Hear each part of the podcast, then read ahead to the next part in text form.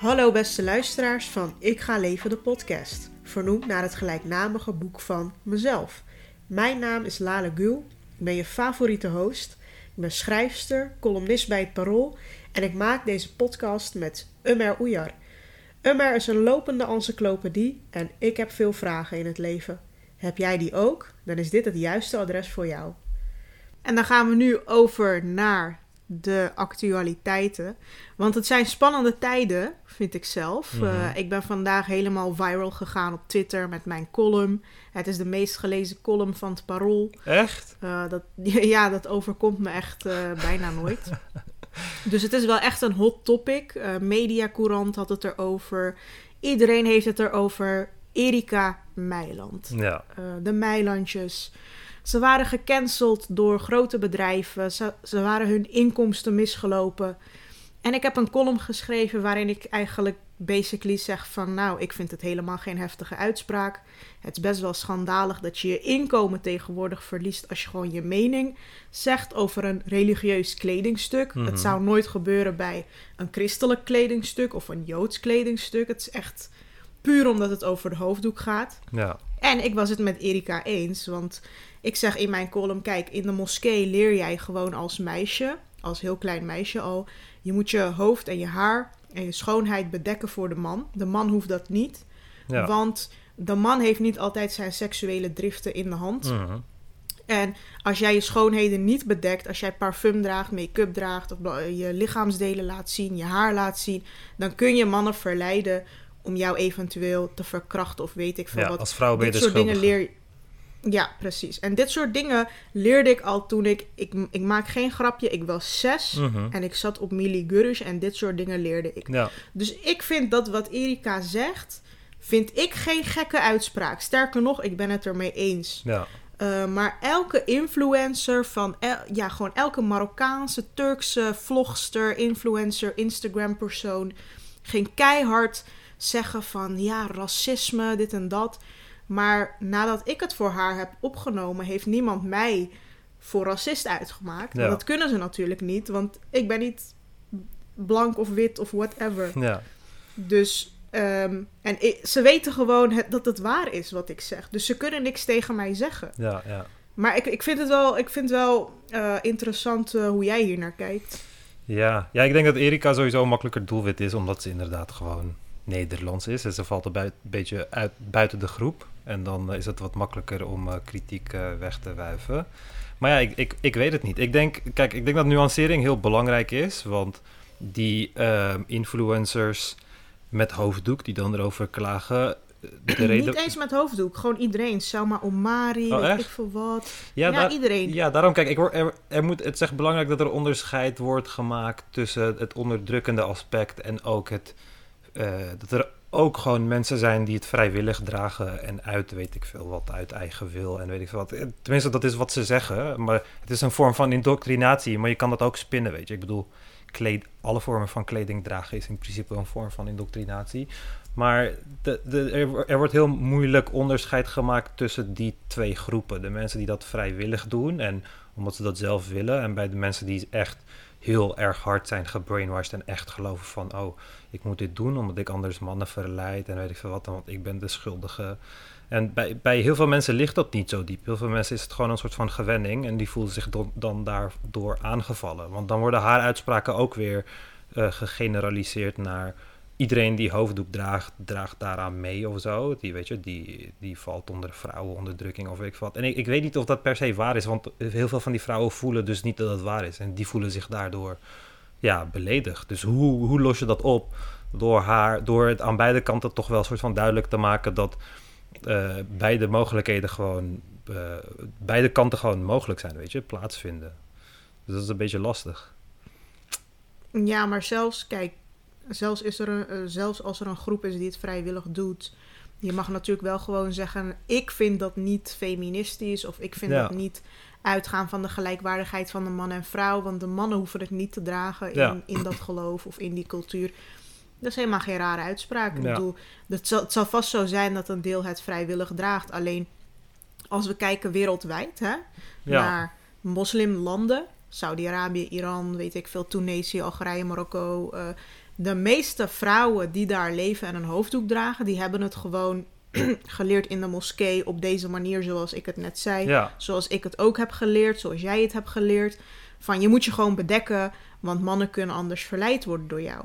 ja, ja, Ehm. ja, het probleem is denk ik dat, dat, die, dat die kamp heeft niet echt een stem, weet je. De narrative van jonge vrouwen met hoofddoek, die wordt voornamelijk geleid door die, eh, zeg maar, soort van de jonge, hoogopgeleide eh, meid met, eh, die actief is op Instagram, maar een hoofddoek heeft en een soort van modern een hoofddoek op heeft, een stem heeft, voor zichzelf opkomt en weet ik veel wat. Hun, zij leiden die narrative, weet je. Het zijn die hele Nike had laatst, of ja, vorig jaar een hele... ehm, advertentiecampagne met een, een atlete in hoofddoek. En daar was ook allemaal di- dingen over. Maar wanneer je daarover praat, de mensen die dat, dat verhaal leiden, het zijn gewoon allemaal dat soort influencers die dan in dat deel van de cultuur zitten. En die mensen die onderdrukt worden, ik, ik ken zat, eh, ik bedoel, mijn zusje was er een van.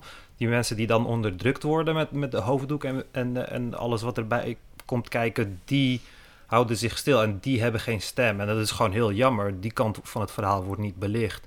Terwijl die kant van ehm, ja, vrijheid en weet ik veel wat allemaal. En ik draag het voor eigen vrije wil. En dat, dat wordt heel erg verdedigd. En die heeft een hele luide stem. En dat is heel jammer. Weet je, dat leidt tot die hele eh, eh, kloof tussen die twee onderwerpen. Terwijl het eigenlijk precies om hetzelfde gaat.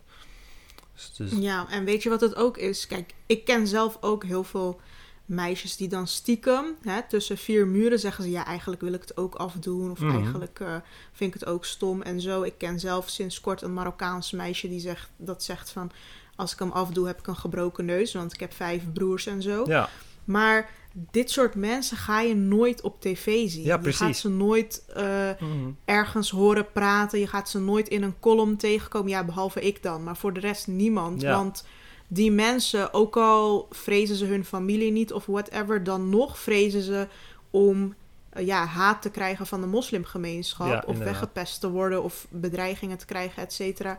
En ze willen gewoon niet in dat kamp als ehm, in dat kamp van islamhater of eh, weet, je, weet je wel. Dus dat, daar hebben ze gewoon geen zin in. En dat snap ik wel. ja, Dus je zult ook dit geluid eigenlijk nooit vertolkt zien worden in de media. Ehm, ja, behalve door Ebru Uban en zo. Maar die, die zijn nooit onderdrukt. Dus dat is geen, dat is geen geldig geluid. ja. En Ayaan Hirsi Ali, maar ja, die, die is ook weer al lang een beetje weg. Ja, precies. Ehm, ik denk als je erin zit of eruit kan komen, dan is het logisch dat je het liefst gewoon in de achtergrond wilt verdwijnen. Weet je? Je- ja, dus zelfs de mensen die onderdrukt worden en eruit komen, blijven in de stilte. Omdat ze denken, ja, whatever, het is niet mijn... eh, Ik ben er eindelijk uit. Ik ga niet nog meer problemen veroorzaken voor mezelf, weet je? Ja, precies. Maar daardoor krijg je dus een heel scheef debat. Want het enige wat dus Nederland ziet op tv... zijn de vrouwen en de meiden die zeggen... kijk, ik ben een trotse moslima. De meiden van halal Of, en eh, dat soort dingen. Ja, precies. Ja. Meiden van halal. Ik werd ook gevraagd van... wil je bij op één in debat met die Esma van meiden van halal? En dan denk ik, ja, het is gewoon weer sensatie-tv. Want dan is het zo van, kijk, zij tegen zij en zo. Mhm. Alleen, het is zo'n vertekend beeld. Want juist die mensen kunnen heel makkelijk voor zichzelf opkomen. Want ze krijgen gewoon steun van heel veel mensen Ja. natuurlijk. Eh, van de hele moslimgemeenschap. Ze krijgen geen bedreigingen. Ze krijgen geen inbox vol haat. Ja. Ze krijgen niet de hele familie eh, tegen zich of zo. Ze krijgen niet van, oh jij speelt rechts in de kaart. Door jou eh, stijgt racisme. Door jou gaat de PVV winnen. ja. Niks van dit. Zij worden alleen maar, zij krijgen alleen maar applaus. Alleen maar applaus. En ik krijg de bagger, dus waarom zou ik dat doen? Ehm, en hierdoor is er een soort van beeld dat eigenlijk bijna alle hoofddoekdragers het vrijwillig doen en zo. Maar ja, Ja. ja. maar ja daarom is het belangrijk dat, dat, ehm, ja, dat wij dit geluid wel blijven vertolken. Dat dat gewoon totaal niet waar is. Weet je, dat En zou ik wel willen zien. Dat, dat ze iemand vinden die momenteel onder onderdrukking leeft met de hoofddoek. Hè? Dat je die dan soort van anonimiseert en dan tegenover iemand zet die het uit vrije wil draagt. En dan die met elkaar laat praten. Weet je, laat die het even met elkaar uitpraten. Dan ben Ja. ik echt benieuwd wat daaruit gaat komen. Want eh, het, het, het is echt duidelijk dat de, de ene kant echt doet alsof de andere kant niet bestaat. En die stem ook zoveel mogelijk probeert te onderdrukken, direct of ondirect. Dus dat is echt jammer. En dat leidt tot dit soort eh, frustrerende scenario's. Ja, je hebt ook mensen, bijvoorbeeld Angela de Jong, die zei bij op één. het is wel duidelijk dat de vrijheid van meningsuiting onder druk staat. Want als je dit over christenen had gezegd, over zwarte kousen of zwarte rokken of zo, dan, Ja. of zwarte hoeden, dan zou je dit nooit krijgen. Ja, Toen hebben andere mensen gezegd: ja, nee, helemaal niet. De vrijheid van mening. eh, het is helemaal niet waar dat je niks meer mag zeggen en zo. Maar eigenlijk vind ik wel dat zij gelijk heeft. Want als jij je inkomen verliest door je mening, dan is dat wel een goed teken dat je dus niet dingen kunt zeggen. Ja, je kan het wel zeggen, maar je verliest daardoor wel je commerciële eh, samenwerkingen. ja. Dus ga je het niet zeggen. Dus het is wel indirect een beperking van vrijheid van meningsuiting. Ja. ja, klopt. Maar ja, dat heb je altijd. Ik bedoel, het is als zaak, zakenpersoon, als PR-technisch is het altijd beter, financieel beter om aardig te zijn dan onaardig te zijn. Dus die beperking heb je altijd op financieel gebied voor eh, vrijheid van meningsuiting. Weet je, je moet zo inclusief mogelijk zijn, zo weinig mogelijk mensen boos maken. Dan is het financiële plaatje op het einde altijd beter dan wanneer je dat niet doet. Dus dat is lastig. Maar kijk, je we leven in een maatschappij waarbij eh, het heel makkelijk is om sponsoren af te nemen van mensen, weet je. Het is al, al als die sponsoren gewoon als hun inbox geflat wordt met e-mails op een dag, dan is dat vrij een duidelijk teken voor dat soort bedrijven om eh, daar iets in te veranderen, omdat ze zich niet willen, ehm, ja, omdat ze niet naast die uitspraken willen staan. En dat vind ik jammer. Bedrijven zouden daar veel eh, standvastiger in moeten zijn en juist op moeten komen voor in dit soort gevallen en zeggen van nee, weet je, wij blijven ze doorsponsoren en wij blijven door eh, met ze meewerken, want het maakt helemaal niet uit wat ze zeggen en wij als bedrijf staan daar apart van of we nou met ze meewerken of niet. En dat, dat is jammer dat je dat niet ziet. Dat, ik had dat wel graag eh, gezien, zeg maar. Ja, inderdaad. Inderdaad. En eh, wat er verder aan de hand was, is dat eh, bij een Zwarte Piet demonstratie mensen werden bekogeld met eieren en oliebollen. Ja, Hierdoor hebben weer influencers getwitterd van... ja, Zwarte Piet is racisme of weet je wel, dat soort dingen. Maar ik vind echt, bijvoorbeeld Defano Holwijn en ook Tofik Dibi, die twitterden dan van... eh, als wij zeggen Zwarte Piet is racisme, dan zegt Nederland hou je bek. Eh, maar als Erika zegt eh boerka's lijken op pinguïns, dan is het... Nederland zegt vrijheid van meningsuiting. ja. Sowieso vind ik dat die twee onderwerpen natuurlijk niks met elkaar te maken hebben. Maar het is ook gewoon zo onwaar. Want Ja. als je kijkt naar hoeveel Zwarte Piet is veranderd in de laatste paar jaar. Het is zo snel gegaan. ja 100%. Weet je, in de grote steden zie je geen Zwarte Piet meer. Eh, in supermarkten, op pepernootverpakkingen, et cetera. Je ziet nergens meer Zwarte Pieten. Niet op scholen. Ja. Eh, Sinterklaasjournaal is anders. Eh, weet je, dat, dat is gewoon totaal onwaar dat Zwarte Piet nog ehm, gebruikt wordt. ja, ja. Maar, dan, maar dan willen mensen gewoon dat hele... Ja, ik weet eigenlijk niet wat ze dan precies willen. Willen ze dan ehm ja roetveeg, roetveegpiet misschien ook eh, anders of Ja, zo? ik weet het niet. Het is gewoon, kijk, je krijgt nooit 100% verandering wanneer je eh, een, een, eh, een nieuw, ja, hoe noem je zoiets? Een nieuwe ideologie voortzet van oké, we vinden het met z'n allen Zwarte Piet eh, nu niet meer kunnen. Dan gaat het langzaam wegwerken. Dan, weet je, ver- verdwijnt dat langzaam, maar het gaat voor niemand snel genoeg. En uiteindelijk focus je je op de kleine eh, ja, tegenstrubbelingen zo, eh, eh, in, in, in de maatschappij. En dan ga je naar weet ik veel, een plek als Volendam, waar ze het wel blijven doen. En dan ga je daarop focussen en dan is dat die realiteit van... nee, kijk, zoveel mensen zijn er nog tegen. En dit is Nederland, weet je. Dat groepje daar, mensen daar die tegen kick-out Zwarte Piet zijn en weet ik veel wat... en, en Zwarte Piet willen behouden. Dan maak je van dat kleine groepje Nederland, weet je. En dan in je vergelijking, eh, in, in dat soort vergelijkingen... pick and choo- choose jezelf eh, wie je als Nederland neerzet, weet je. Nee, je kan roepen dat Nederland een heel racistisch land is. Je kan ook roepen dat Nederland een van de minst racistische landen van de wereld is. En je kan voor beide claims groepen Nederlanders vinden. Dus het is sowieso een vrij vreemde vergelijking. Ik denk dat niemand moet verwachten dat we op een jaar opeens besluiten van... oh jongens, Zwarte Piet vinden we eigenlijk niet kunnen. Dus we gaan nu unaniem, 100% van Nederland gaat nu ervoor eh, zorgen dat... eh, Zwarte Piet niet meer plaatsvindt of zo, dat er geen Zwarte Piet meer is. En hetzelfde met Erika Weiland. Het is niet dat Nederland een unanieme stem heeft daarin, weet je. We zijn in geen enkel veld zijn we, hebben we een unanieme mening over een onderwerp. Maar ja, Ja, maar ik vraag me dus, ik vraag me dus echt af. ehm, of Zwarte Piet, zeg maar, of dat... Dus in Volendam hebben ze nog kennelijk nog Zwarte Piet. Ik dacht dat het overal wel was veranderd. Ja, ik weet het ook niet hoor. Maar Ja, ik weet alleen dat ze daar met de eieren gingen kogelen, maar ik, bekogelen, maar ik weet niet wat, ze precies aan het... eh, aangezien ze daar aan het protesteren waren, ga ik ervan uit dat je daar wel Zwarte Piet had, denk ik.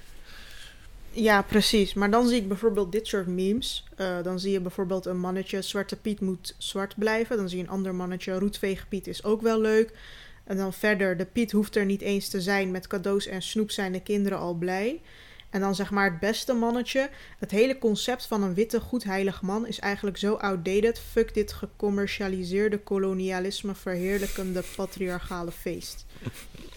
Dus eigenlijk Ja. denk ik dan dat de volgende stap is gewoon het hele feest afschaffen. Ja.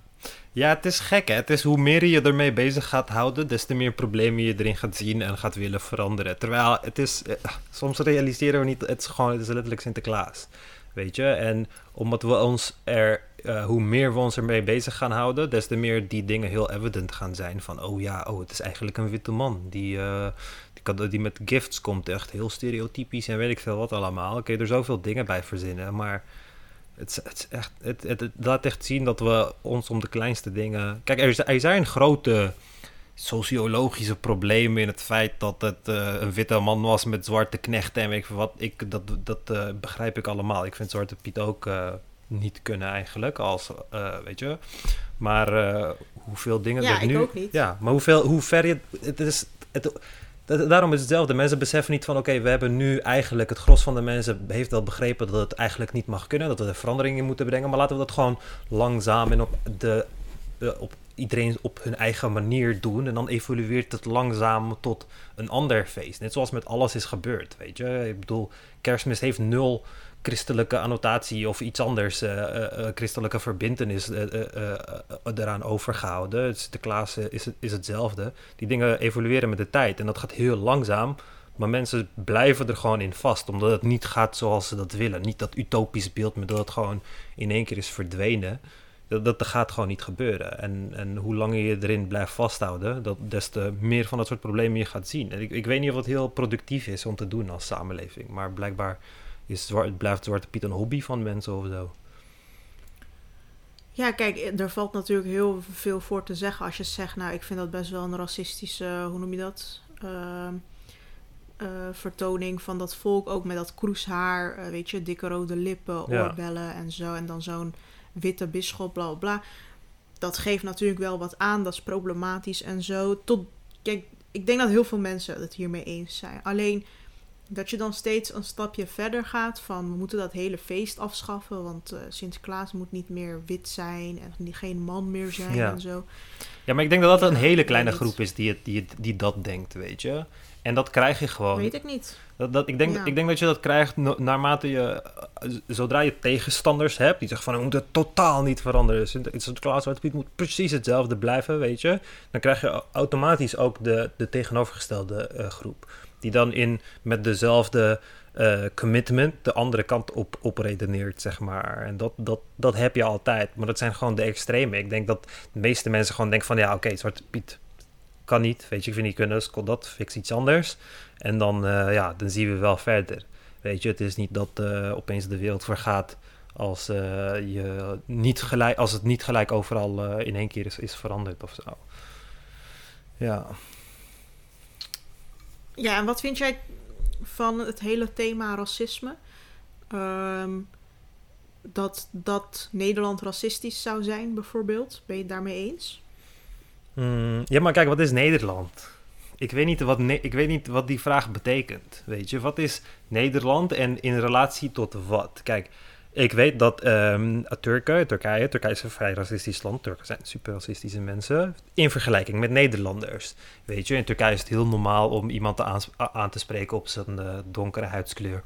Om iemand chocolademan te noemen of weet ik veel wat allemaal. Je hebt gewoon veel van die on- onwetende mensen, weet je. Die, die bestaan gewoon omdat, het, omdat ze die dingen niet gewend zijn. Die ziet het niet heel vaak. Je komt het niet vaak tegen. Als je een donker persoon ziet, wil je, willen ze die haren aanraken en weet ik veel wat. Het is allemaal heel... Het, maar het is dis- discriminatie uit onwetendheid, weet je. Je- Weet je, het is een beetje als hoe je oma eh, slechte dingen zei over Marokkanen of zo. Van, niet met Marokkanen omgaan, want het zijn allemaal dieven of weet ik veel wat, weet je. Marokkaan is mee psoersus en dat soort dingen in het Turks. Dat, dat, is echt iets uh, wat Turkse ouders dat altijd zeiden. Dus dat bestaat gewoon, uh, racisme en discriminatie uit onwetendheid, uit angst, gewoon een soort van xenofobie.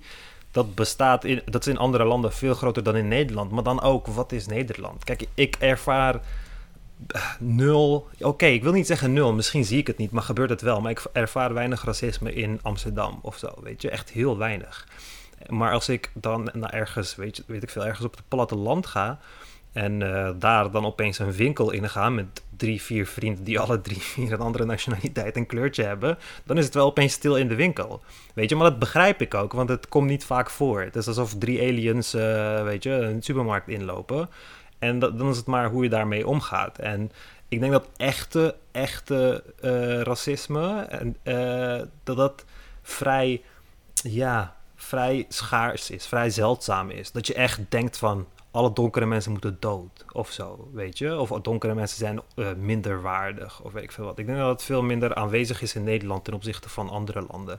Wij zijn veel verder in dat proces. Want hoe meer je leert over andere culturen, des te meer je leert dat je soort van uit ignorance bepaalde dingen had. Van dat je dingen, bepaalde preconceived notions had over volkeren. Van oh ja, Afrikanen zijn dom en Somaliërs zijn lui en Chinezen zijn altijd super slim en weet ik wat allemaal, weet je, dat soort dingen.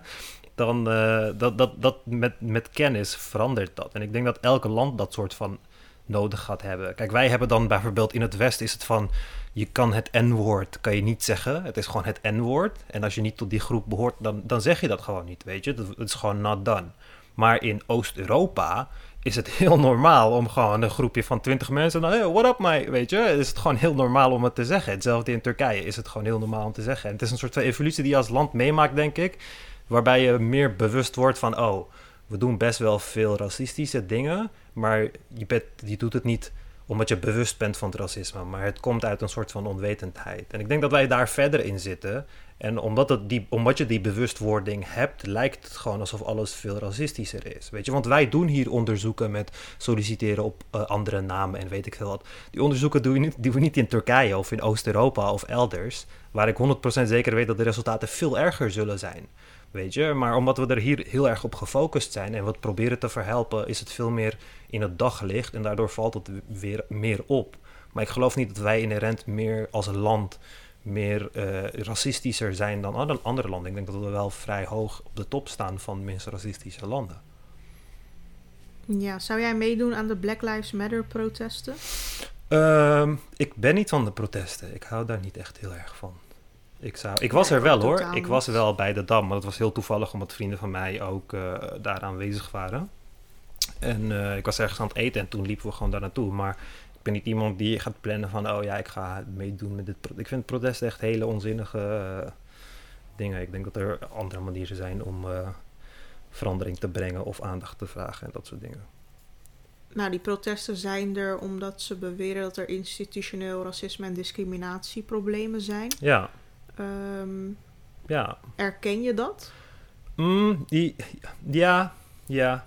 Ja, kijk, uh, dingen zoals het feit dat um, er wijken bestaan met alleen maar moslims, hè, met alleen maar buitenlanders, het feit dat de Bijlmer bestaat, uh, dat al die dingen bestaan, is uh, het bewijs dat, dat er is, weet je, dat we dat wel hebben, hebben gehad en nog steeds hebben. En dat, dat zal dat is nu waarschijnlijk een stuk minder dan vroeger. Maar het is wel belangrijk om die dingen te herkennen.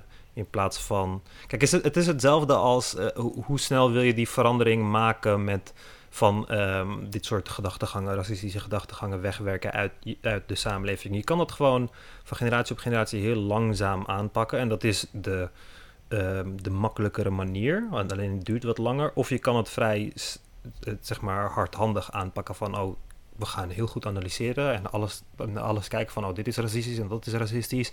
En dan kom je sneller tot verandering, maar je bent veel um, ja, onnatuurlijker. Die, de, de, de verandering is veel onnatuurlijker, weet je. Het, het, gaat te snel, met te grote veranderingen en er wordt niet heel goed op gelet. Weet je, het gaat niet een beetje vanzelf. Dus daardoor kan je mensen in het scheen schoppen en boos maken, die dan denken van, joh, wat de fuck gebeurt er nu nou weer? Het hele land verandert en straatnamen veranderen en standbeelden gaan weg en weet ik veel wat. Terwijl als die dingen langzaam over tijd gebeuren, dan is dat, dan is dat veel minder erg voor, voor de mensen. En ik denk dat daar ook het probleem ligt. Ik denk dat we al de laatste honderd jaar bezig zijn om minder seksistisch, minder racistisch, om al die dingen langzaam uit te werken.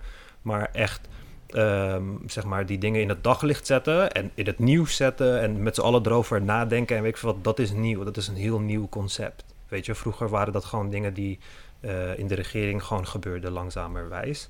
Dus ik, ik, ik erken dat het er is, maar tegelijkertijd erken ik, erken ik ook wel dat we uh, uh, wel de goede richting op gaan en dat het veel minder is dan in landen zoals Amerika, waar die movement is begonnen. Weet je, wij hebben hier gelukkig niet zo heel erg veel last van um, ja, mensen die worden neergeknald door politie en politiegeweld en weet ik veel wat allemaal. Terwijl het in andere landen wel zo is. Dus we mogen hier van geluk spreken, maar de emoties van die andere landen en de beelden die wij te zien krijgen, die voeden wel de narrative hier. Waardoor de tegenreactie ook even hoog wordt. En ik weet niet, ik weet niet of dat justified is, weet je, in een land als Nederland. Ja, ik weet het ook niet. Ik heb er namelijk zelf geen ervaringen mee. Maar ik merk ook dat je daar niet echt aan mag twijfelen. Kijk, de narrative is gewoon van er is etnisch profileren, er is discriminatie en racisme bij politie, bij belastingdienst, op de arbeidsmarkt. Dat is er gewoon. En als je dat ontkent, ja. dan, dan spoor je gewoon niet, want het is heel evident dat het er is. Dat is een beetje hoe het nu wordt bekeken. Ja. Ehm, ook als je kijkt naar progressieve partijen, als je hun programma leest, dat heb ik dus gedaan, dan staat er bijvoorbeeld. Uh, we moeten bewustwording uh, over ons verleden vergroten. We moeten een uh, slavernijmuseum moet er komen. Er moet meer aandacht in het onderwijs zijn voor slavernij, koloniaal verleden. Ja. Bredere geschiedenis van racisme en ongelijkheid. Er moeten nationale feestdagen komen, 5 mei en 1 juli. Uh, dus dat soort dingen. En ze willen ook bijvoorbeeld. Um, de arbeidsinspectie moet strenger controleren op discriminatie op de arbeidsmarkt. Ja. Discriminerende scholen, sportverenigingen, werkgevers en clubs horen geen uh, subsidies meer te krijgen. Ze moeten worden opgespoord met undercover onderzoek. Ja. Bedrijven die zijn veroordeeld voor discriminatie worden uitgesloten van overheidsaanbestedingen en krijgen hoge boetes. Bedrijven en instanties die discriminerende verzoeken krijgen, moeten dat voortaan verplicht melden. Dit soort dingen bijvoorbeeld. Ja. Um, er staat ook iemand met een Nederlands klinkende naam en een strafblad krijgt nog altijd sneller een positieve reactie op een sollicitatie dan iemand met een Arabisch klinkende naam zonder strafblad. Ja, ja, ehm, ja dat zijn wel dingen die echt um, als waarheid gelden voor allochtonen, weet je. Dus bijvoorbeeld heel veel Marokkaanse jongens hebben dan een Nederlandse naam. Weet je, dan kiezen ze gewoon een Nederlandse naam uit. Of als je op Marktplaats gaat reageren op mensen, dan doe je dat liever onder een Nederlandse naam dan een, weet je, Arabische naam of Turkse naam of whatever. Dus het zijn wel allemaal dingen die leven. Maar kijk, al die uh, dingen die ze willen invoeren, het klinkt allemaal um, positief. Maar ik denk ook van hoe um, bepaal je dat? Weet je, hoe bepaal je of iets. Want dan krijg je Kijk, het is, ik heb het wel eens als kind uh, meegekregen. Hè? Als ik dan, uh, ik moest altijd de pont pakken van Amsterdam Noord naar het Centraal Station. En dan ziet de kapitein, die ziet jou dan aanrennen. En dan is het aan hem of hij gaat wachten of niet op jou, weet je. Mhm. En als er een blanke man komt aanrennen en hij wacht niet, dan is dat niet zo erg. Maar als er een donkere man komt aanrennen en hij wacht niet, dan kan het heel makkelijk gezien worden als discriminatie. Dus dan ben je geneigd mhm. om uh, langer te wachten voor donkere mensen, omdat je niet als racist wil worden uh, aangezien, weet je. Dus dan heb je een soort van positieve discriminatie. Dus uiteindelijk, wanneer je met straffen werkt, dan krijg je dat een beetje. Dan word je bang om niet uh, om als racist aangemerkt te worden en dan gaat je hele gedrag veranderen. Dan krijg je heel onnatuurlijk nep gedrag. En dat is, ik denk niet dat dat de way forward is. Kijk, dat hele deel van dat er undercover onderzoek moet worden gedaan, dat er gesolliciteerd wordt onder twee, ik, daar ben ik 100, daar ben ik 100% voor. Weet je, dat is meer van analyseren. Laten we de problemen analyseren en boven water brengen, maar echt op een manier dat er ehm, dat, het, dat, het, dat het vrij duidelijk is dat er echt een racistische keus gemaakt is, weet je. Want anders ga je dus, uh, anders gaat er misbruik van gemaakt worden. En dat willen we niet, want dat gaat de hele movement juist soort van tegenwerken. En daar ben ik bang voor, dat die politieke partijen gewoon zoveel mogelijk van dat soort uh, punten willen opnoemen. Maar de uitwerking daarvan, hoe dat precies plaats gaat vinden, daar nog nul over is nagedacht. Weet je? Hoe zorg je ervoor dat daar geen misbruik van wordt gemaakt en dat je valide data hebt, valide conclusies hebt? Dat is heel moeilijk.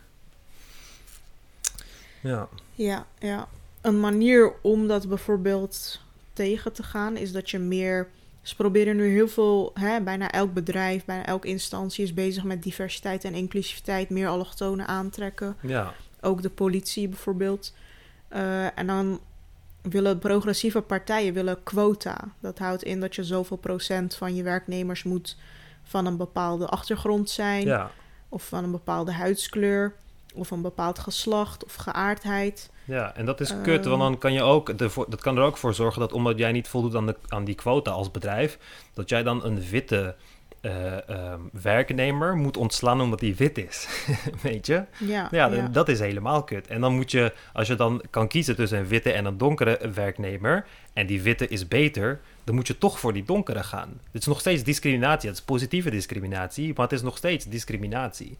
Weet je? Dus ja, het is heel lastig. Ja, maar dan heb je mensen die zeggen: ja, maar de hele geschiedenis lang zijn uh, vrouwen en uh, minderheidsgroeperingen ook gediscrimineerd. En nu is het aan, nu is het hun beurt of zo. Hmm, ja, nee, ik denk niet dat dat een goede manier van vooruitgang is. Ik, uh, dat is hetzelfde als, ja, deze terrorist die heeft uh, zoveel mensen vermoord, dus nu gaan wij hem lekker martelen. Ja, hij heeft het ook gedaan, nu is het zijn beurt, weet je. Ik denk niet dat jij, als jij mensen, als, als jij bepaalde acties van mensen condemnt, is het niet echt slim om hetzelfde dan terug te doen. Dat is, als, is net zo raar dat donkere mensen nu gaan zeggen van... hé, hey, kom, gaan blanke mensen als slaaf nemen... want toen hebben we dat bij ons gedaan. Dus wij mogen dat weer doen.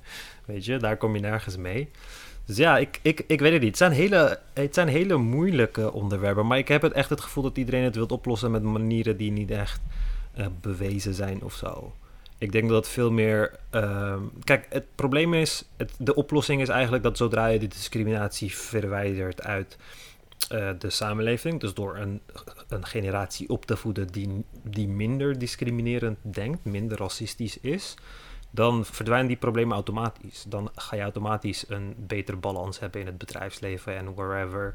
Maar om dit nu te veranderen, door regels op te stellen, te proberen te veranderen, dat is echt, dat is echt lastig. En ik weet niet of het, of het gaat werken. Een, een jong bedrijf kan daar prima wel goed in beginnen, maar om bedrijven die nu al zoveel honderd jaar bestaan met een board of directors met een gemiddelde leeftijd van 65, weet je, die ga je niet opeens uh, diversifieren of zo, weet je. Dat gaat niet echt gebeuren, denk ik.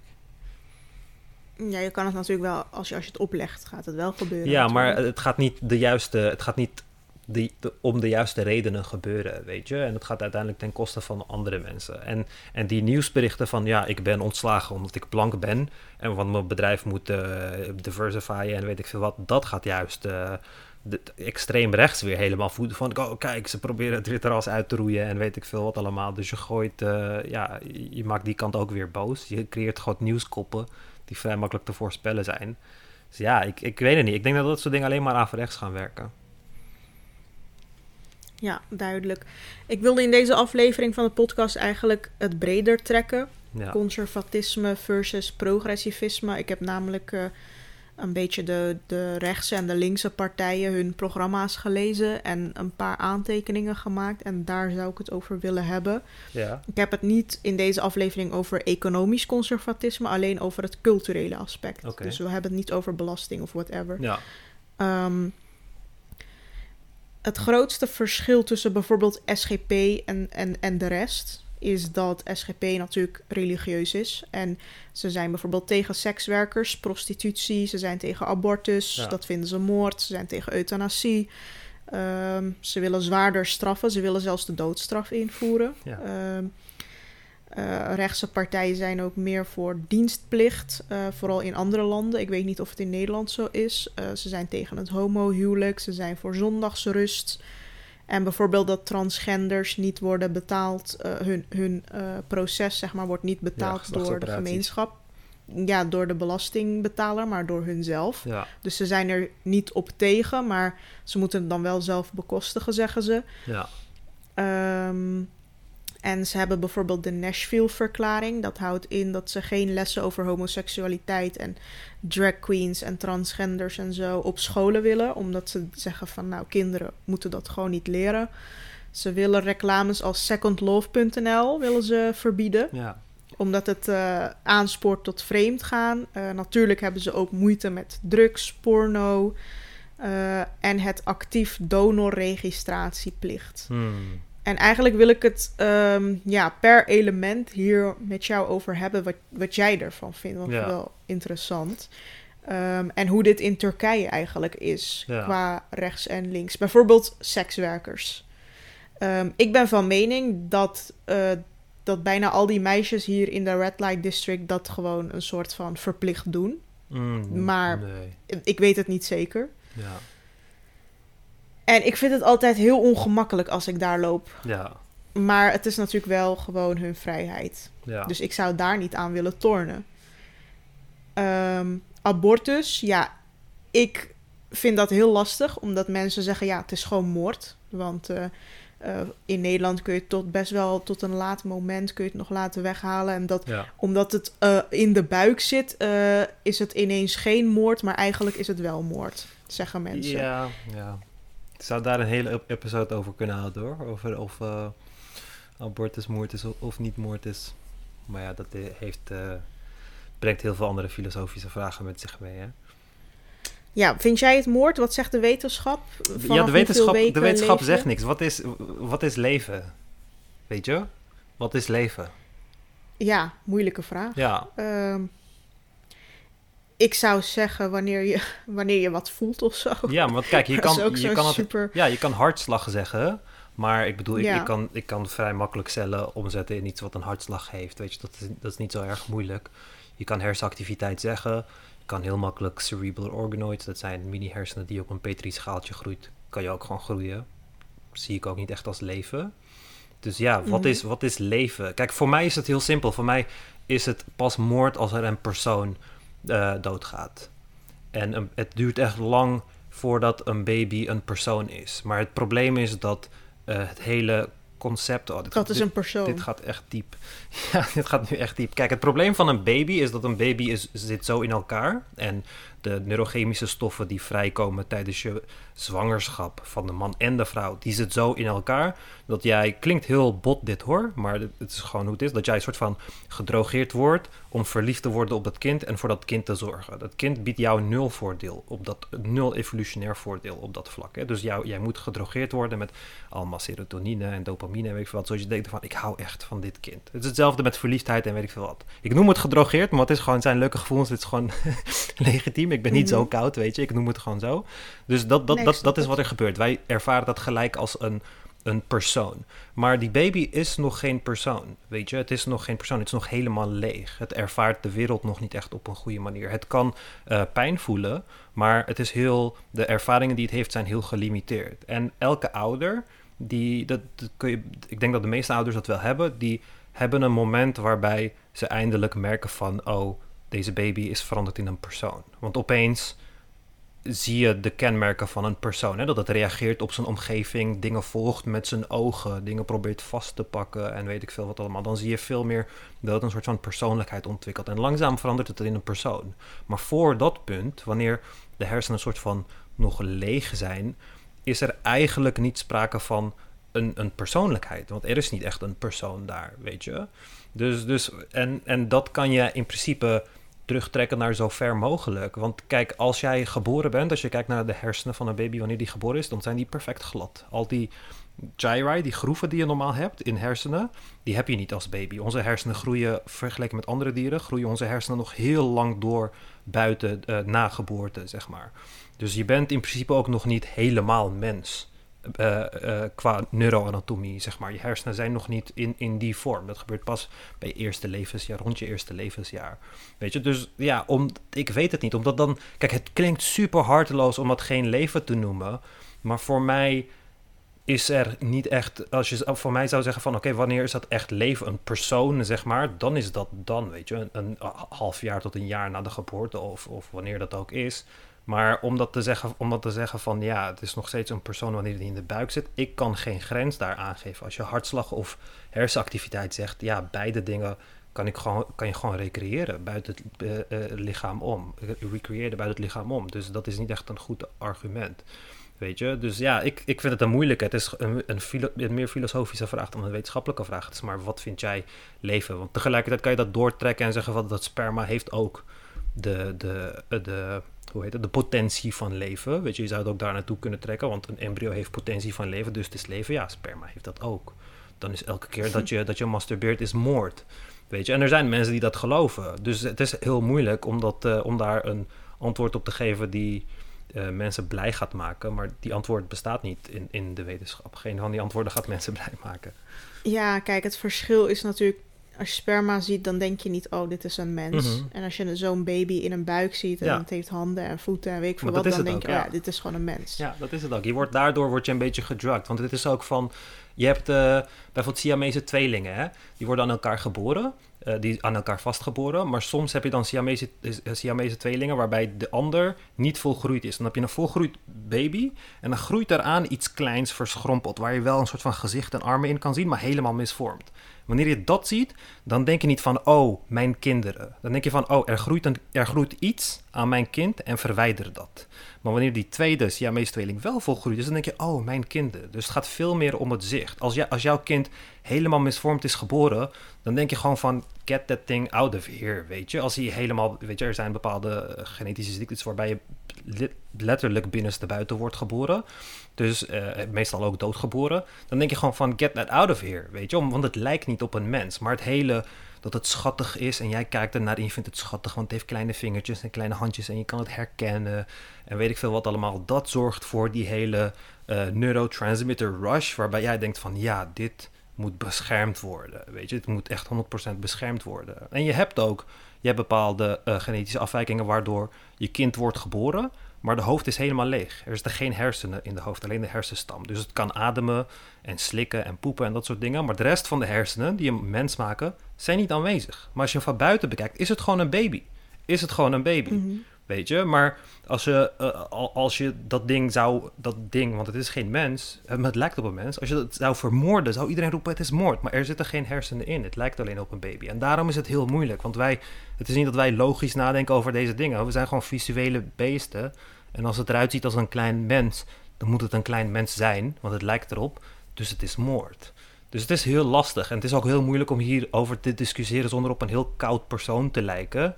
Uh, want dat, dat, dat, ja, dat, dat gebeurt gewoon vanzelf. Zodra je er wat, wat minder bekend mee bent, zeg maar. Dan klinkt het heel koud van, oh ja, dat is geen leven en weet ik veel wat. Maar dat, het, is het, het is het ook nog niet, weet je. Ja. Ja. Ja, hetzelfde geldt natuurlijk voor euthanasie en voltooid leven. Ja. Uh, er zijn mensen die zeggen dat is gewoon uh, moord. Wat vind jij van euthanasie? Ja, ik snap het wel. Want stel je voor dat uh, je, een van je ouders uh, zit te lijden. En ze kan niet meer praten, niet meer, weet je. Je herkent gewoon diegene niet meer als je ouder. En je denkt, laat ik het lijden maar stoppen. Of dat had zij ook zo gewild of zo. Ja. Ja, ik kan het wel begrijpen. Maar ja, heel veel mensen die uh, worden daar heel kwaad om. Ja, het is een soort van neveneffect van de, de medische wereld. Hè? Want kijk, als dokter hoor jij, en dan heb ik het niet over de mensen die euthanasie vanwege psychologische dingen willen doen, maar vanwege fysieke pijn en dat soort dingen. In de medische wereld hoor je iemands leven zo lang mogelijk te verlengen, soort van. Weet je, dat is waar het om gaat. En het gaat veel minder om kwaliteit van het leven. Dus als jij, uh, laten we zeggen dat uh, je bent gewoon kerngezond, je voelt je goed en er is kanker bij je geconstateerd. En de kans dat je het overleeft is vrij klein dan kan je of gewoon vijf maanden uh, gewoon een beetje genieten van je leven en dan doodgaan. Of chemotherapie ondergaan, stralingstherapie ondergaan en al die dingen. Met een hele kleine kans dat je het gaat overleven. Weet je, maar al die leed van al die therapieën ga je wel moeten ondergaan. En heel veel mensen willen dat niet. Die denken gewoon van, oh, de kans dat ik ga overleven is vrij klein. Laat me gewoon genieten zonder al deze dingen, weet je. Of uh, die zijn al uh, ermee begonnen en dan die denken ze gewoon van, ik wil nu stoppen. En dan, en dan kan dat niet. Dat mag je niet doen als dokter. Want het gaat om die hartslag en die hersenen actief houden. En voor de rest boeit het niet hoe de persoon zich voelt. Weet je, is dat niet Mhm. zo belangrijk? Pijn, dat kan je gewoon verdoven met eh, eh, eh, verdovingsmiddelen en weet ik veel wat. Terwijl mensen wel die keuze moeten hebben om uit te stappen. Maar tegelijkertijd is het ook heel moeilijk om te bepalen of die keuze rationeel is of niet. Dus het is weer een moeilijke keuze, weet je. Ik vind wel dat jij... Ik respecteer zelfmoord ook, best wel. Ik vind dat mensen dat recht zelf hebben. Ongeacht wat ze Mhm. anderen aandoen. Ik begrijp dat het heel zwaar is voor andere mensen. Maar ik respecteer de keuze wel, want het, het blijft... Ik denk, als je een recht in het leven moet hebben... dat je recht op, over je eigen leven moet zijn. Ehm, maar Ja, tegelijkertijd weten we ook dat er mensen zijn... die die, die keuze zouden maken... maar als ze misschien een beetje geduldig waren geweest... en die keuze niet hadden gemaakt... ze wel gelukkig zouden kunnen zijn. En dat is ook lastig, weet je. Mhm. Want hoe zorg je ervoor dat iemand in een depressieve buiten... niet voor euthanasie kiest? Hoe maken we die onderscheid? Dat is heel lastig. Ja, ja. Ja, ik. ehm, dat zijn inderdaad medisch-ethische kwesties. Maar ik zou het bij mezelf ook, ook gewoon willen. Weet je, als ik niks meer kan en ik denk, oh ja, nu is het wel genoeg geweest voor mij. Ja. Ik zou niet als een kamerplant willen leven in een ziekenhuis. Ja, want een van mijn grootste angsten is dat ik eh, niet meer voor mezelf kan zorgen. Weet je, dat iemand mijn reet Ja. af moet vegen en weet ik veel. wat. Dat, dat, ik zou liever dood zijn dan dat ik dat moet meemaken. En ik vind ook dat je die keuze moet kunnen maken. Maar ja, met ouderen is dat dus heel lastig. Want zelfs als je ze die keuze zou willen laten maken, wanneer je op dat punt komt, langzaam degradeert je hersenen, weet je. Dus tegelijkertijd ben je ook niet in staat om die keuze te maken. En dat is ook het probleem van dat soort dementerende mensen. Want ze zijn niet in een medische staat om een keuze voor zichzelf te kunnen maken. Dus nee, heel maar je familieleden kunnen, kunnen die keuze wel Ja, maken. en je zou het dus van tevoren moeten opstellen. Hè? Een soort, soort van testament van jongens, luister, als ik zodra ik mijn eigen reet niet kan afvegen, dan wil ik ermee stoppen. Weet je, dat is echt iets wat ik Ja. graag zou willen hebben in, in mijn, mijn testament. Dat ik wil niet eh, dat andere mensen voor mij moeten zorgen terwijl ik een kamerplant ben. Dus dat is, dat is lastig. En eh, ik, zou, ik zou er heel blij mee zijn als dat bestond. En dan ben je tegelijkertijd ook een veel min- zou ik ook een mindere last zijn op de belastingbetaler. Dus het is een win-win situatie, denk ik. Ja, maar dat is een hele erge een, eh, VVD-uitspraak, is dat. Dus dat, dat alles draait om geld en zo. Ja, maar voor de mensen Goed. wel, weet je. Dus als het hun eh, monetaire goed uitkomt, dan moeten ze gewoon voorstemmen. Ja. Ik wou het hebben over zwaarder straffen en lage straffen. Ja. Ik had eh, van de week iets boos eh, gepost op Insta. Ja. Ehm, er was een motorrijder, eh, een vrachtwagen, nee, een auto heeft hem geraakt. En hij is zijn been verloren. Het is een jongen van 22. Ja. Hij kon geen kant op. En de chauffeur van de auto was aan het appen achter het stuur. oh ja, waardoor ze verkeerd- zo, toch? Nee, was gewoon een, eh, was Oh, gewoon een mevrouw die aan het appen was. Oh. Waardoor ze op het verkeerde wegdek kwam of zo. Ehm, en die jongen heeft nu gewoon zijn been verloren daar, door haar. En zij heeft 90 uur taakstraf gekregen. Ja. Eh, en ze moet haar rijbewijs opnieuw halen. ja. En ik had dus gepost van hoe kan het zo zijn dat iemand zijn been verliest door Ja. iemand, door een tuthola die zit te appen. En het enige wat ze krijgt is 90 uur taakstraf. Ja. En ehm, ja, ik, ik vroeg me af, hoe kijk jij daarnaar? Ehm, hmm. Ik weet niet zo goed wat de effecten zijn in zo'n geval van een zwaar. Want de- kijk, het doel van de straf is eigenlijk dat je dat niet meer doet. Dat je leert van je fouten. Maar ik denk dat. Ik vind het echt een lastige. Ik denk niet dat als die vrouw echt super zwaar was gestraft.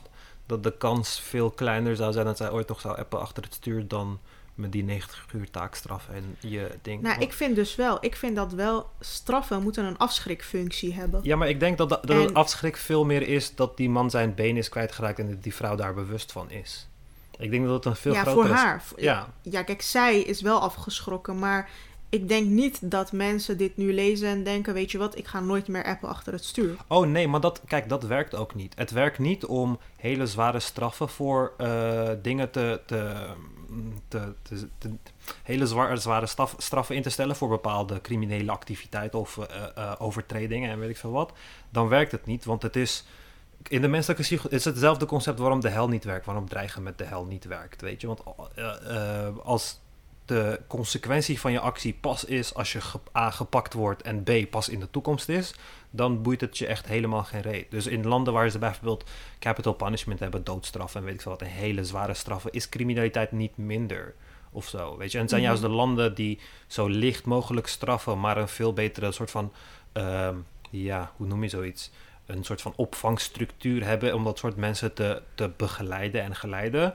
Dan, dan die- dat soort landen hebben veel lagere eh, eh, criminality rates, weet je.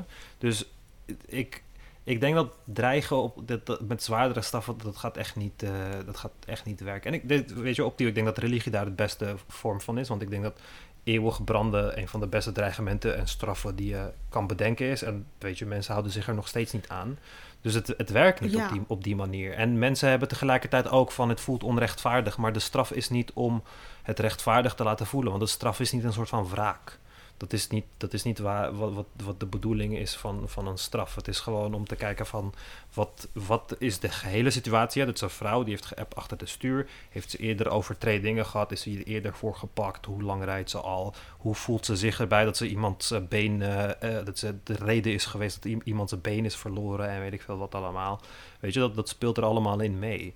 Maar ik, ik geloof niet dat zij nu nog steeds gaat appen achter het stuur omdat zij maar 90 uur taakstraf had en denkt van oh ja, ik eh, rij wel weer iemand anders aan, weet je.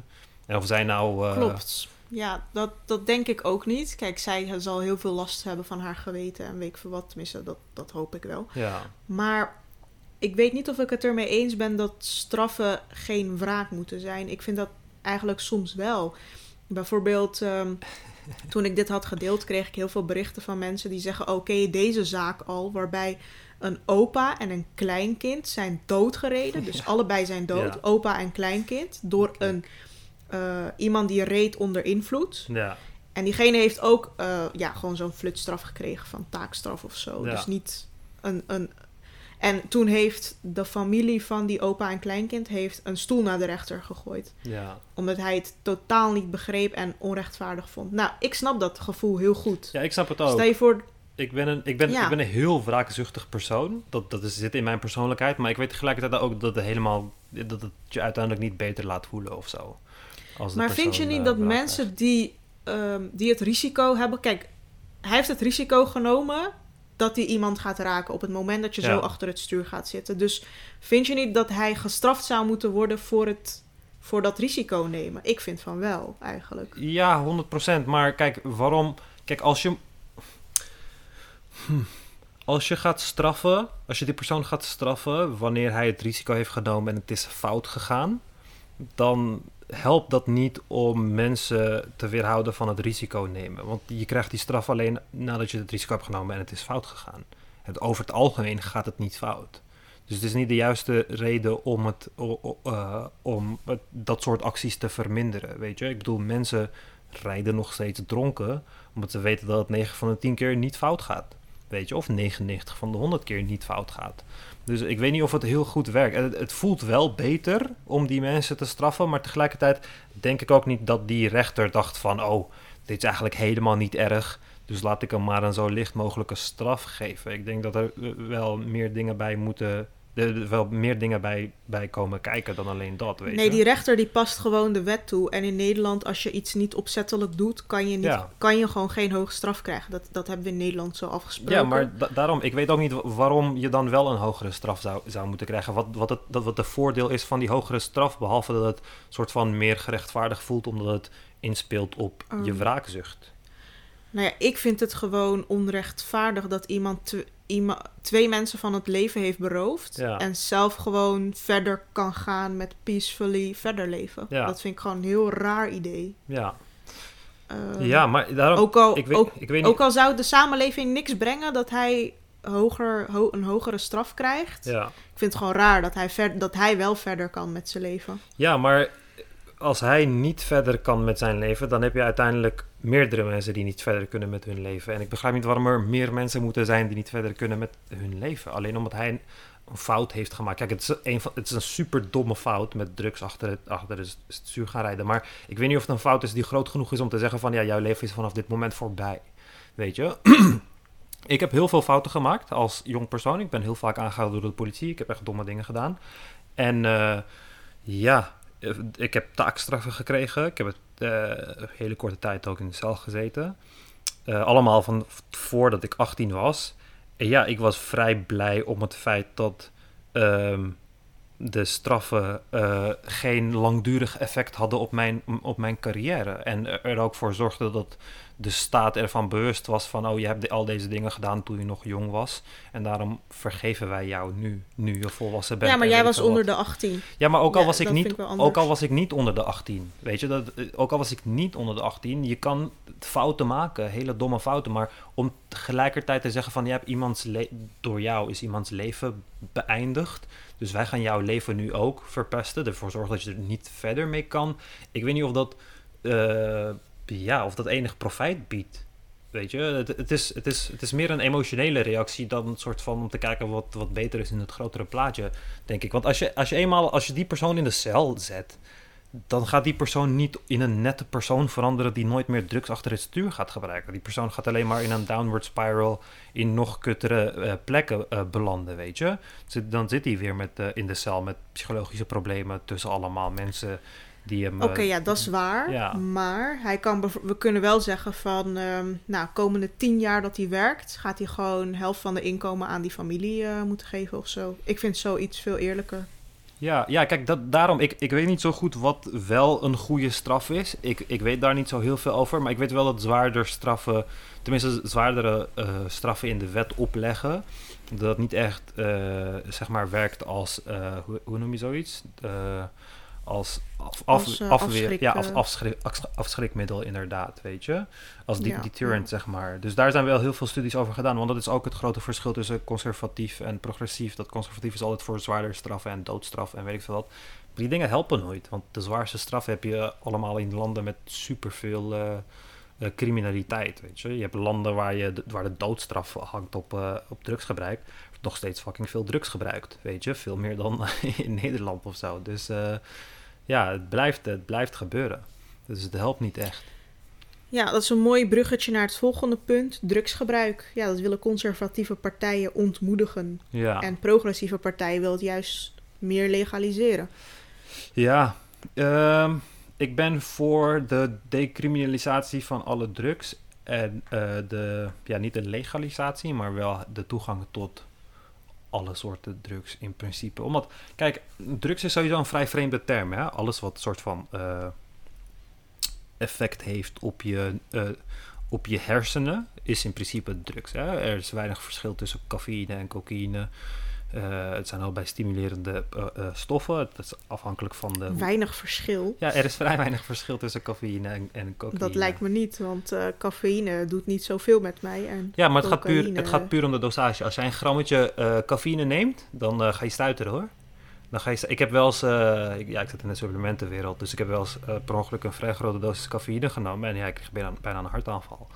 Dus het kan vrij sterk gaan. Maar kijk, cafeïne, het zit gewoon een stof in de plant, in de coca-plant. Die de plant gebruikt als pesticide om uh, insecten te vermoorden. Cafeïne, dat zit in de koffieplant. De plant gebruikt het als pesticide om insecten te vermoorden. Weet je, het heeft, het zit in dezelfde, het heeft dezelfde functie in de planten. En in ons heeft het ook bijna dezelfde functie. Het is een stimulant als het ware. En dat is met heel veel van die stoffen zo.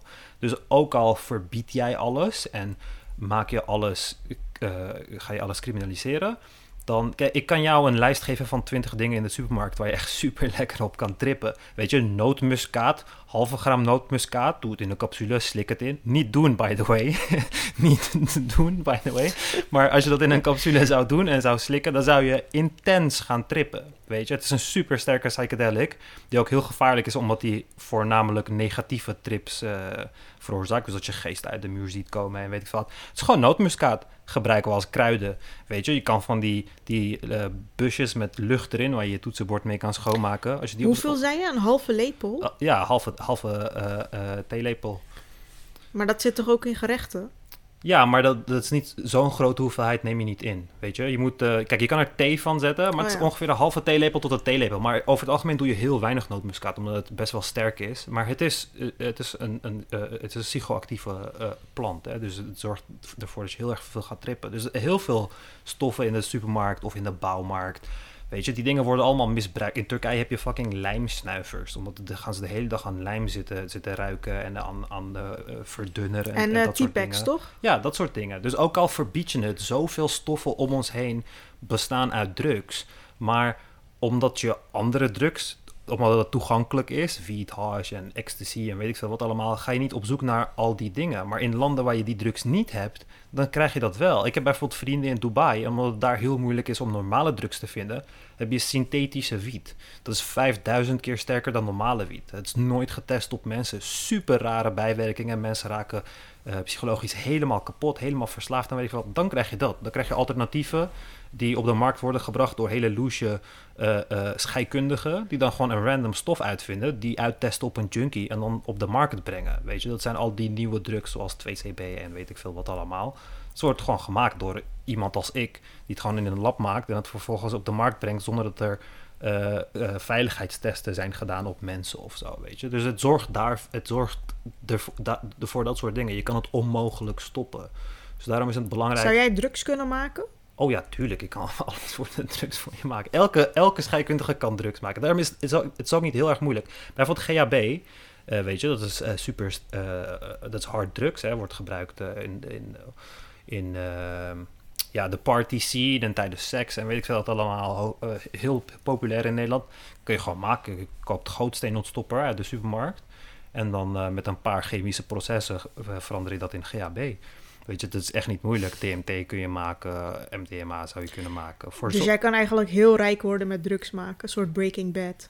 Ja, maar dat, iedereen kan rijk worden met drugs maken. Ik bedoel, iedereen kan wiet verbouwen in zijn slaapkamer. Het is, het is niet zo moeilijk om rijk te worden met drugs. Maar het is gewoon een, een risico dat je liever niet wilt nemen. Maar er zit heel veel geld in. Dus dat ga je niet kunnen stoppen. Het is onmogelijk om dat te stoppen. Het is, het is juist logischer om dat soort van te decriminaliseren en om dat in het, in het daglicht te brengen, weet je. Want ik bedoel, er zijn zat drugs die wij gewoon... Alcohol, hè, een van de schadelijkste drugs ter wereld. Hè, een kankerverwekkende vloeistof die we voor recrea recreationele purposes drinken. Weet je, en ons er helemaal geen zorgen over maken. Weet je, dat is gewoon compleet legaal. We hebben er leuke reclames over en weet ik veel wat allemaal. Weet je, hetzelfde met koffie. Als koffie niet bestond, ja, dan was de wereldeconomie waarschijnlijk 20% minder waard. Weet je, op je gemiddelde kantoor, als er geen koffieapparaat staat, dan krijg je anarchie. En dan gaan mensen elkaar in elkaar mappen. Weet je, dus we zijn al ja. verslaafd aan dit soort dingen. Die, we gebruiken ze al voor productiviteit en weet ik veel wat. En door ze in de schaduw weg te drukken, zorg je juist voor uh, on, onverantwoordelijk gebruik en uh, uh, onpure stoffen die juist voor problemen zorgen. De overdosissen in Amerika die, gebruik, die, die ontstaan omdat mensen allemaal nieuwe manieren vinden om heroïne sterker te maken, krachtiger te maken en weet ik veel wat. Dus we weten dat het niet helpt om het, om het te, te, te, te, criminaliseren en het om alles illegaal te maken. Het is onmogelijk. Dus laten we de andere kant proberen. Dat is wat ik vind. En kijken hoe dat gaat. Want het, het, helemaal wegwerken, dat, dat is gewoon onmogelijk. Dat gaat niet lukken.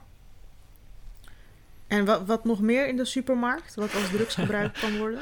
um, ja, kijk, je hebt bijvoorbeeld je hebt die busjes met lucht. Die je kan gebruiken om je toetsenbord schoon te maken. Zo perslucht. Als je die op zijn kop houdt en dan uh, daaraan gaat, gaat hijsen, zeg maar. Dan ga je ook heel hard spacen. dus lachgas is opeens ontstaan. Lachgas had je altijd al, overal. En toen is het opeens gepopulariseerd, weet je. Maar lachgas kun je niet verbieden, want het is gewoon een stof, het is gewoon een grondstof die gebruikt wordt voor alles, voor de gehele industrie. Dus je hebt altijd productie en, en, en toevoer ervan. Dus dat, dat gaat gewoon in, in mensen hun handen terechtkomen. En als je lachgas gaat verbieden, moet je ook slagroom verbieden. Want elke slagroombus in de supermarkt, die zit vol met lachgas, jongens. Dus als je een slagroombus gewoon niet schudt en op zijn kop houdt en het gas eruit perst, is gewoon lachgas. Dus tenzij mensen ook... Ja, maar je kan wel uh, recreatief gebruik onder jongeren en het verkoop van, ervan verbieden, toch? Ja, maar het maakt niet uit of, of je het verbiedt. Het, het, mensen gaan het nog steeds gebruiken. Het is niet alsof uh, die dingen... Kijk, ecstasy en coke en MDMA en al die dingen zijn ook verboden. LSD is ook verboden. Weet je, ik ken niemand die denkt van... Oh nee, ik ga het niet gebruiken, want het is illegaal, weet je. Dat, dat zegt niet zoveel. Mensen hebben al heel lang geleden ondervonden dat uh, illegaal en legaal niet synoniem staat aan goed voor je en niet goed voor je. Weet je, en dat de regering mm -hmm. dat soort dingen. Uh, kijk, het feit dat dingen als uh, wiet en hash illegaal zijn en alcohol legaal is compleet geschift, weet je. Is compleet geschift. Maar ja, dus mensen nemen die, die eh, legaal of illegaal status dan ook niet, niet serieus. Dus het werkt ook niet. Compleet geschift. Ik weet niet. Ik, ik snap het wel, want Ja, als het legaal is allemaal... De, kijk, wiet ja maar waarom, is, wel, weet je. De- ja, maar waarom is, is alcohol legaal en wiet en hash niet? Eh, wiet en hash zijn gewoon legaal. Nee, ze zijn niet legaal. In Nederland. Nee, ja, ze zijn niet legaal. Oh, kijk, dit, dit weet jij dan waarschijnlijk. Ja, kijk, jij zit helemaal niet in die wereldje van wiet en hash natuurlijk. Hè, Kijk. maar iedereen gebruikt toch gewoon ja, wiet? Maar kijk, wiet en hash zijn allebei volgens de wet zijn ze verboden. Ja, maar ze worden gedoogd tot 5 gram. Dus dat betekent dat de politie mag het gewoon uit je zak pakken als ze dat willen, maar het wordt gedoogd. Ja, maar wietverkoop is gedoogd. Dus coffeeshops mogen wiet verkopen, maar ze mogen geen wiet inkopen. Dus een coffeeshop mag niet wiet inkopen. En als een coffeeshop wordt gepakt op wiet inkopen, dan moet die sluiten. Dus een coffeeshop mag niet zijn eigen wiet verbouwen en hij mag ook niet wiet eh, inkopen. Hij mag het alleen verkopen. Hoe moet hij het dan verkopen? Exact. En dat staat niet in de wet. Dus dat hele deel staat niet in de wet. Dus daarom he- is het verplicht. Maar ze kopen het toch gewoon in? Ja, van mensen die illegaal verbouwen. Want er zijn geen legale verbouwers. Dus je bent verplicht om illegaal te verbouwen. En dan een illegale aanvoer van wiet in de koffieshop te hebben. Want je mag maar een aantal gram eh, eh, per keer aanwezig hebben in de koffieshop. Dus je moet een constante aanvoer uit een safehouse. Van waar ah, superveel wiet in ligt. Naar de koffieshop hebben. En als je daarmee gepakt wordt, dan sluit je koffieshop. Maar je hebt nul andere manier om het op een legale manier te doen. Dus de Nederlandse wet. in- Hè, wat raar. Ja, ja dit, dit is een super Dat slaat toch nergens ja, op? en het is al 20, 30 jaar zo. En er wordt helemaal niks aan gedaan. En er gaan mensen de bak in en weet ik veel wat allemaal eromheen. Omdat, omdat iedereen in de politiek te lui is om er iets aan te veranderen. En ze zijn nu bezig met een experiment. Eh, de gesloten koffieshop kring experiment. Waarbij ze volgens mij vijf eh, mensen een eh, vergunning hebben gegeven om wiet te verbouwen legaal. En dan gaan 100 coffeeshops in Nederland hun wiet afnemen legaal van die mensen. En dan gaan ze kijken hoe dat gaat. Het is een experiment voor vijf jaar. En als het goed gaat, gaan ze het helemaal legaliseren. De verbouwing en de verkoop en weet ik veel wat allemaal. Maar voor nu is het gewoon, volgens de wet is het gewoon onmogelijk, weet je. Je we mogen wiet verkopen, maar we mogen het niet inkopen om te verkopen. Dus dit is gewoon super raar. Nou, dat is gewoon raar. Dat moeten ze gewoon natuurlijk zo snel mogelijk eh, legaliseren. Ja, Maar ik vind dat softdrugs, daar, daar heb ik niet zoveel op tegen. Maar harddrugs Ja. vind ik toch wel andere koek. ja, Eh, stel je voor, je hebt een eh, examenfeestje, je bent geslaagd. Iedereen heeft gewoon legaal harddrugs. ja. En je gaat dat met z'n allen mixen en nemen en zo. En je denkt opeens van, hé, hey, laten we op het dak staan. We denken dat we kunnen vliegen. Nee, ja, en dan maar... ben je in één klap dood. Ja, maar dat, dat is niet hoe het werkt met, eh, met drugs. Ik heb nog nooit... Kijk, ik heb, ik heb veel soorten drugs genomen in mijn leven. Ja, ik heb het allemaal, eh, allemaal geëxperimenteerd met allemaal dat soort dingen. Coke en al die dingen vind ik allemaal niet interessant. Maar psychedelics, dingen waar je van gaat hallucineren... heb ik altijd super interessant gevonden. Hè? Paddo's, truffels en LSD en DMT en weet ik veel wat allemaal. En geen van die... En ik heb twee keer hele bad trips gehad die me echt eh, hadden getraumatiseerd. Dat ik echt hele heftige dingen zag. Maar ik heb nog nooit echt dingen gezien waarvan ik denk van... oh, ik ga nu van een gebouw afspringen... of ik denk dat ik kan vliegen of zo. Maar wat, wat, wat dus heel vaak gebeurt in dat soort kringen... is dat iemand die neemt zo'n psychedelische stof... en die, maakt, die, gaat, die raakt dan in psychose... En die maakt dan iets mee, die doet dan iets doms. Dus die springt van een Nemo. Dat hebben we één keer gehad, het Franse meisje dat van een Nemo sprong. We hebben één gast gehad, volgens mij een Italiaan die eh, truffels ging nemen in zijn busje in Amsterdam. En vervolgens achter in zijn busje zijn hond eh, doodstak met een schaar. Eh, en helemaal bebloed en weet ik veel wat allemaal. En toen werden paddo's verboden. Maar dat zijn hele enkele dingen. Het is iets wat in de psychologie noem je dat substance... ja, substance-induced psychosis. En dat is dat sommige stoffen kunnen psychose triggeren in mensen die gevoelig zijn voor psychoses. Maar die stoffen zijn niet alleen drugs. Die stoffen zijn ook de geur van benzine of de geur van chloor of een traumatische ervaring of dat je opeens schrikt of weet ik veel wat. Dus het is niet alleen weggelegd aan, aan, aan drugs dat die dingen zijn gebeurd, maar die, die voorbeelden zijn wel ge- gebruikt om drugsgebruik te stigmatiseren. Maar elk jaar, tijdens elk festivalseizoen in Amsterdam... Ben jij ooit op een festival geweest? Nee. Nou, voor eh, ouders moeten even hun oren dicht doen. Maar voor je gemiddelde festival in Nederland is 80% van de mensen helemaal aan de drugs. Iedereen, gewoon 80% van de mensen zit gewoon helemaal aan de M of aan de coke of whatever.